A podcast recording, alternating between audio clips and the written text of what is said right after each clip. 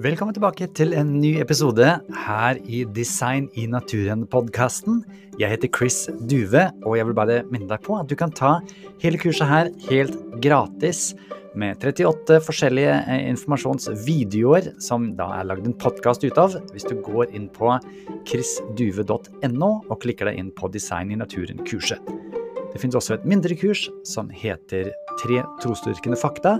Alt dette er altså gratis tilgjengelig. Men nå er det på tide med dagens episode. Vær så god.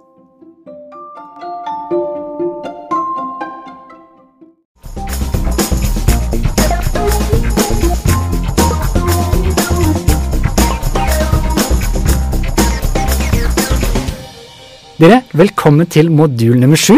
Takk for det. Du har klart å komme så langt som dette, Marte. Å, jeg har kommet så langt. Fantastisk. Ja. Føler du deg bra? Jeg føler meg kjempebra. Veldig bra. Du, nå skal det altså handle litt om noe som har med dette her å gjøre. Mennesker liker godteri, og du gjør kanskje det også? Å, jeg elsker godteri. Du tok den, ja. Mm. Eh, Den likte jeg òg, faktisk. Eh, Men, men nå er den borte. Men dere, du har jo valgt noe nå. Mhm. Blir det godteri av å velge noe?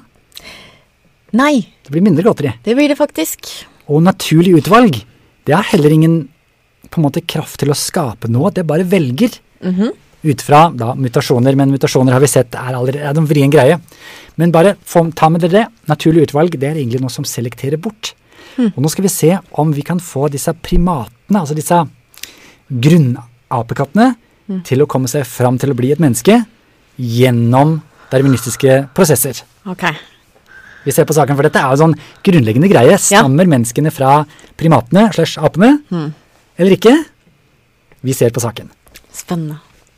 Hei, det er Chris her, og i denne leksjonen skal det handle om menneskeevolusjon.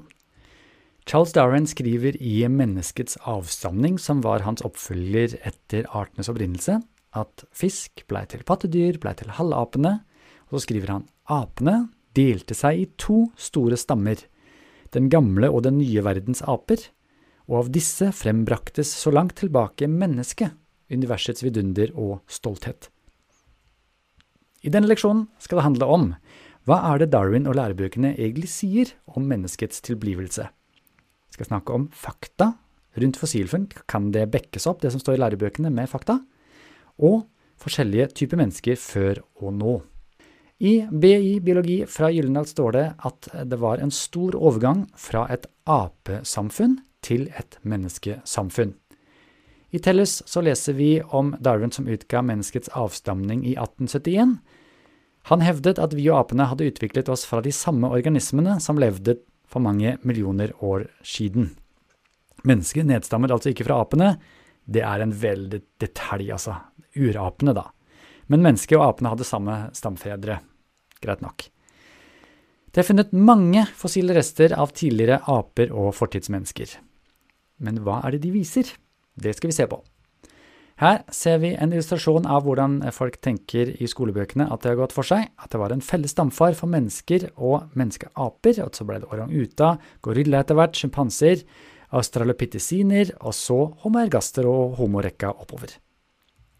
Vi ser at skolebøkene også med dette bildet, hvor det er en menneskehånd og en sjimpansehånd, skal vise at her er det et tydelig slektskap. Og her er en film som biologibøkene viser til. Her ser du apen som går på knoklene og etter hvert eh, reiser seg. Så begynner han å gå bortover, som australopitheciner eh, er påstått til å ha gjort. Så kommer Homo erectus ut av det, som blir til neandertaleren, som blir til Homo sapiens. Der er det nok ikke helt så enkelt som de viser i videoen her, også i evolusjonsbøkene, men dette er altså den påståtte eh, utviklingen.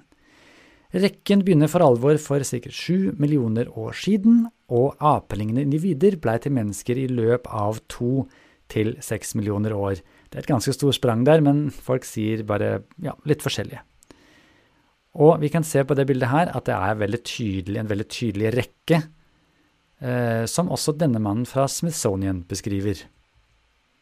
Evolution involves change over time. And I have here five skulls of five different fossil individuals out of about 6,000 fossil individuals that are known that help document the course of human evolution.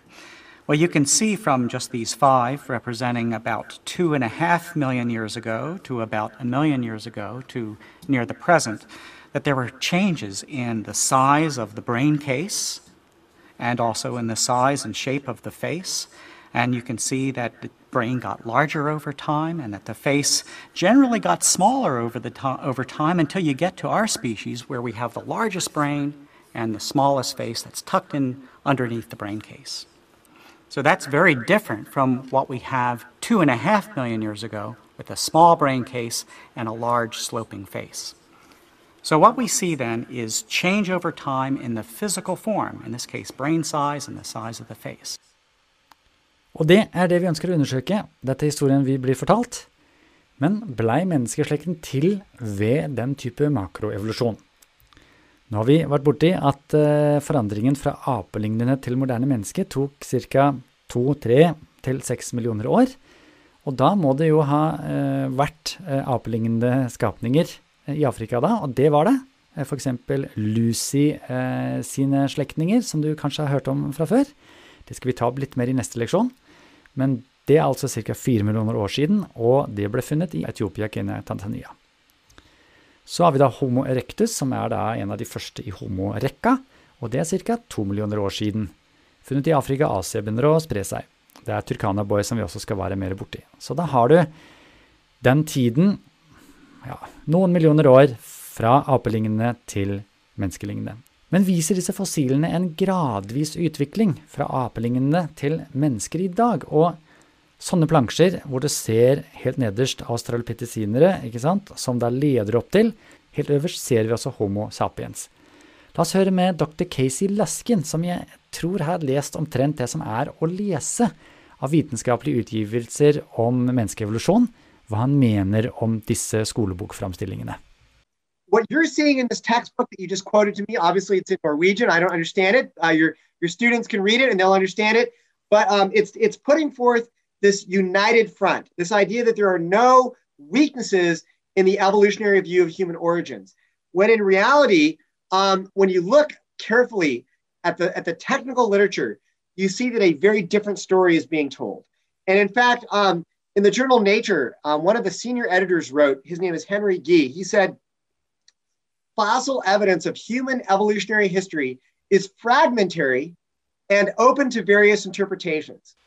Så her er det mulighet for tolkning, og det er mye fragmenter, for det er liksom rette linjer hit og dit. Sånn er det ikke i virkeligheten. Men dette er et bilde som man ofte får se, hvordan akkurat sånn som mannen sa i filmen, viste ikke sant, at det går gradvis bortover.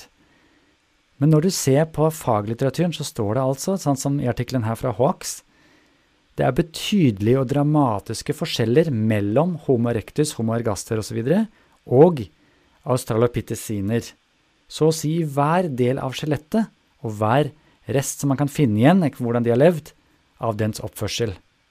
Forandringene er plutselige. Og her er det altså to grupper. Og ingen australopithecus er en tydelig overgangsform. Det skjer en radikal transformasjon, med andre ord en genetisk revolution. But this is what you read when you actually read the technical literature. The earliest fossils of Homo, that would be our genus Homo. We're Homo sapiens. Okay, so these would be like the first fossils that look like us. The earliest fossils of Homo are separated from Australopithecus by a large unbridged gap. Det er noe som ikke kommer tydelig fram i skolebøkene, at det er noen store hull her. At det er grupperinger, egentlig. Her sier altså Ernst Meyer at um, Homo rudolfensis og Homo erectus er atskilt fra Australopithecus ved et stort ikke-forbundet gap. Hvordan kan vi forklare dette tilsynelatende spranget, når vi ikke har noen fossiler som kan tjene som missing links? So what they're saying is that the earliest members of the genus Homo that were human-like was different from the previous Australopithecines, like Lucy, in virtually every element of its skeleton and every remnant of its behavior. It goes on to say that the changes are sudden, and it says no Australopithecine species is obviously transitional. They call it a radical transformation, or in other words, a genetic revolution. Revolusjon, det er mer dette her. Her har vi apene på venstresiden som holder på litt med sitt, og så har du plutselig mennesker. Og da skriver Ernst Meyer videre vi må falle tilbake på den vel fortjente metoden med historiefortelling, konstruksjonen, for at det skal passe inn i den store historien som man på en måte har tro på fra før. At makroevolusjon stemmer, og derfor får vi dette her til å stemme. Men slik som det egentlig er når vi ser på fossilene, så er det helt tydelig stor forskjell mellom det som er apelignende, så er det ingen fossiler som er overgangsformer, så er det mennesker. Min datter kom hjem med bladet Nysgjerrigper, som har utrolig mye bra. Her var det en utgave om eh, mennesker og menneskeslekta, og der sto det øverst det har levd mange menneskearter på jorda, både før og samtidig med Homo sapiens. Og på bildet ser du da det som skrives om menneskeartene, men når du ser litt mer nøye etter, så har du Homo sapiens øverst på høyre side, så har du hele homorekka øverst der, så er det egentlig et skille. For under her er det australopitisinene. Og det skillet kommer ikke tydelig fram nesten noe sted. Men Leslie Aiello, som er antropolog ved University College i London, hun sier australopitisiner, det er disse her, var som aper. Homogruppen som mennesker. En hovedendring skjedde da homo utviklet seg, og det var ikke bare hjernen. Du husker at Gunther Bechley snakket om at det var en slags eksplosjon med mange forskjellige typer dyr, altså insekter og forskjellige andre ting som dukket opp. Og slik er det også med menneskene. And in fact, some commentators talking about this very abrupt transition said that when we look at the origin of, of human like fossils, the genus Homo in the fossil record, that we see a quote unquote big bang theory of human evolution. Okay. That is not what is predicted by Darwin's theory. It is not consistent with the idea that humans evolved from ape-like creatures through a gradual series of fossils. So, uh, yeah, I would say that uh, that maybe the textbook has some some inaccuracies. Og nå må vi se litt på forskjellene og hva de skal vise, fordi til og med i dag så finnes det mange forskjellige typer mennesker. Se på disse folkeslagene her. Og når du da ser på de rekonstruksjonene etter fossiler av menneskefolkeslag fra før, så kunne jeg møtt disse tre ut på tur. Til og med når du ser på den gjengen som er på bildet her, som er med i homoslekta. Ta og Klipp håret deres og ha på dem litt klær. Så kunne du møtt disse på en hvem som helst rockekonsert. Homo rectus, som er noe av det eldste av homoslekten som er funnet. Han er ikke så langt unna dette hyggelige paret som drikker kaffe. Ta på han litt klær og briller, så kunne de bedt han å drikke kaffe sammen med dem. Denne dama her kunne du sett på Rema 1000 med litt uh, morgensveis uh, tidlig en dag. Men har du på uh, slik bjørneskinn og røfsete hår, så er det faktisk dette er en neandertaldame, rekonstruert fra fossiler. Her er det ikke så lett å se hvem som egentlig er villmannen, men jeg kan røpe det er han til venstre, fra et museum. Og da skjønner du etter hvert at denne rekka som blir framstilt her, det er ikke bare en forenkling, det er ikke bare en inaccuracy, som dr. Leskin sier, men det er rett og slett egentlig to grupper apesamfunn og menneskesamfunn, akkurat som BI skriver om. Og den overgangen er et gap. Det, det oppstår plutselig mennesker for 1-2 millioner år siden. Så er dette med hjernestørrelse og ansiktsform som var, var borti. Der sier han at det er en enkel linje fra 1, 2, 3, 4, 5. Hjernestørrelsen blir stadig større, ansiktet blir stadig flatere. Men som vi har lært, så er fossilene ikke den rekka som vi får høre om. La oss høre på dr. Casey Lasken om dette. These fossils themselves are scattered in space and time. We don't have a nice, complete record that sort of shows a continuous gradual evolution. We have a very fragmented fossil record where um, fossils are very rare and there's often major, what they might call gaps in the fossil record. So Richard Lewontin, another famous paleont uh, human uh, evolutionary biologist from Harvard, he said when we consider the remote past, before the origin of the actual species Homo sapiens, we are faced with a fragmentary and disconnected fossil record.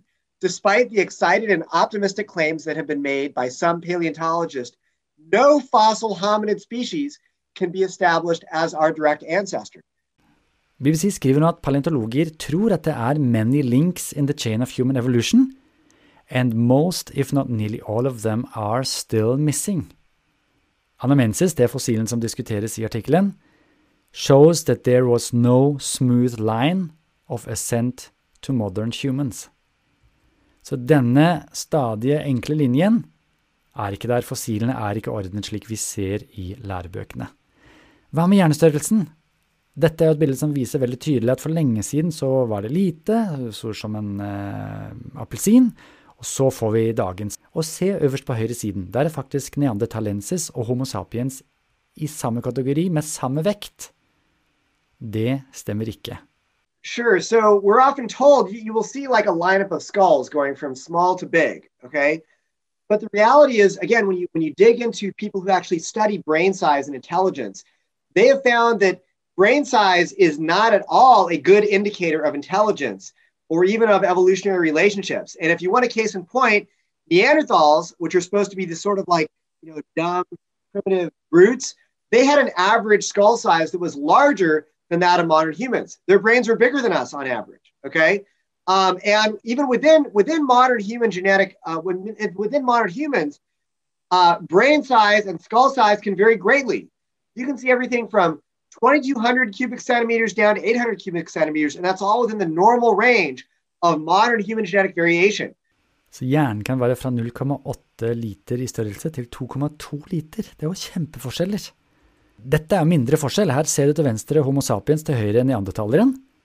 Her ser du at det er stor forskjell på hvordan eh, menneskehodet ser ut. Her er det menn fra Afrika, fra Europa, til høyre fra Australia. Og til, når du ser på de to, så er det ikke veldig stor forskjell mellom neandertalerne og dem. Og australske aboriginere de er like smarte som europeere. Så her blir det påstått en utvikling som ikke stemmer med virkeligheten. Og dr. Lesken han har en artig sammenligning med en fransk forfatter og en russisk forfatter som hadde veldig stor forskjell i hodestørrelse. Hør her. If you want to talk about just the weight of a brain, listen, this I love this illustration, okay? The French novelist Anatole France had a, a brain weight of about one kilogram. The Russian novelist, and, there, and he lived in the 1800s, early 1900s. The Russian novelist, even Turgenev, who also lived in the 1800s, had a brain weight of two kilograms. Okay. Two kilo. So literally, two, two novelists from the 1800s. One had a brain of one kilogram weight. The other had a brain of two kilograms weight. Okay. They were both brilliant people, brilliant writers. One brain was literally twice as big as the other. Does that mean he was twice as smart? No.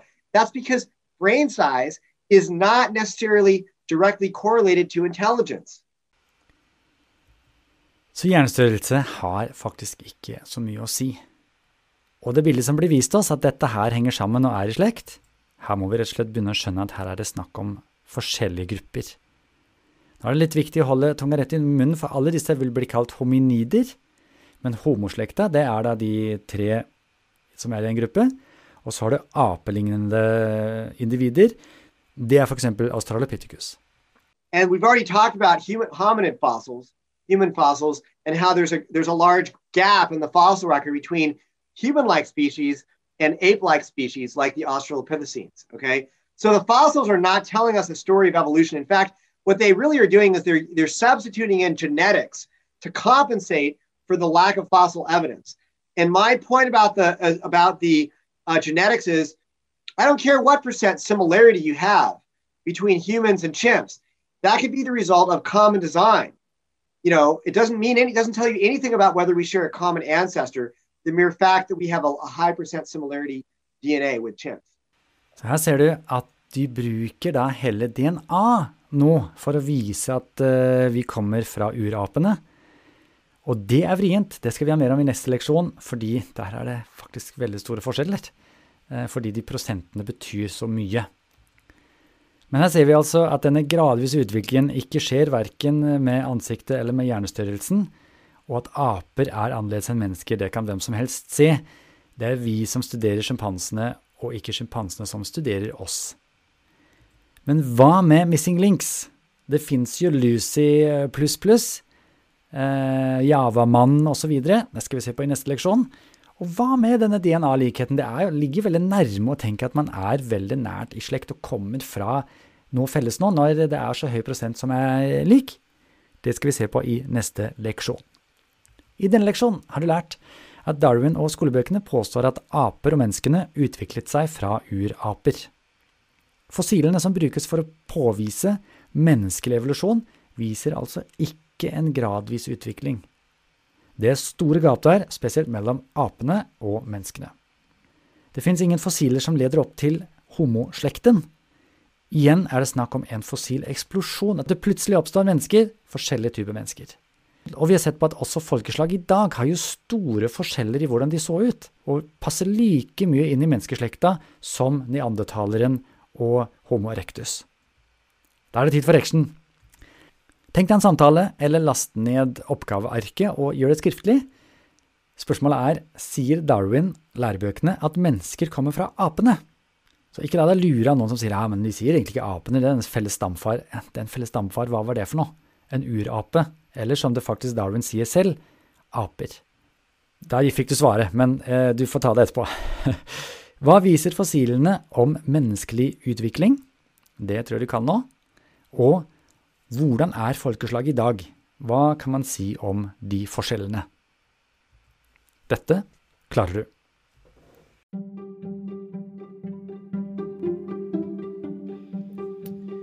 Igjen, dersom du ønsker å få tilgang til de hjelpearkene eller oppgavearkene, så er det jo fullt mulig for deg å signe opp til kurset. Da går det an å laste det ned. Hvis du går inn på chrisduve.no, så ser du all informasjonen der. Dersom du ønsker å støtte denne podkasten og annet arbeid som jeg holder på med, kan du også lese mer om det på chrisduve.no. Takk for nå.